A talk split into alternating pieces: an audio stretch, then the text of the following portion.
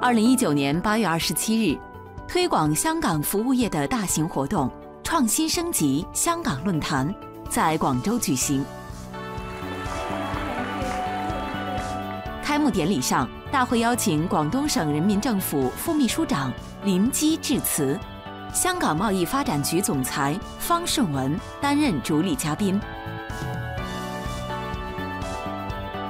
大湾区发展是历史机遇，广州和香港如何通过科技创新协助粤港产业升级转型，成为活动中各界代表的关注议题。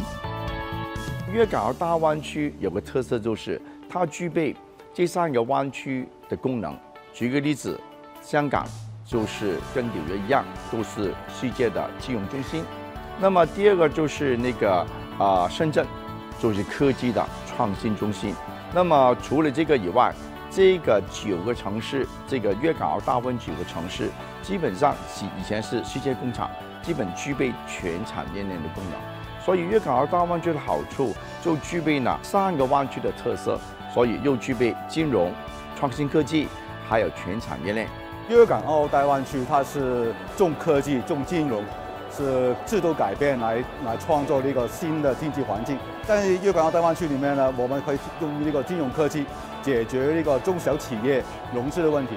也可以为那个那个消费者提供更好的理财服务。所以呃，我们常常说，给我们的客户最佳的场景，呃，最好的体验。除了以科技创新、环球联系为主题的开幕论坛外，四场主题研讨会共邀请了二十多位香港商界、科技及服务业代表担任讲者，多角度探讨粤港澳大湾区带来的新机遇。香港企业也借助论坛的商贸平台推广业务。大湾区是一个有大概四八千万人口的一个市场，所以呃，Smart Hong Kong 可以帮我们见到很多不同的客户以及不同的合作伙伴。帮助我们中小企用低廉的成本，而在中国各地呃进行推广活动，我觉得呃帮助很大。我们第一次参加这个展览，我们带来的项目是呃这个 AI 加的服装制造技术。透过我们的技术，我们可以就是很快的去做一个定制的衣服。我们用手机利用人工智能，就可以马上生成一个三维的人体模型。设计师预先设计好的款式，马上套用到符合这个人体模型的身上，就是把这个衣服变成这个二维的纸样，就这个数据就可以给生产商去生产。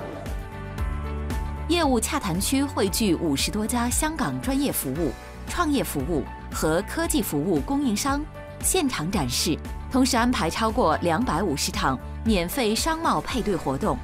为两地企业安排一对一沟通交流。我们主打是海外视频购物，那我们需要各方面的资源，包括那个人工智能、大数据，还有各方面的金融合作，这样子。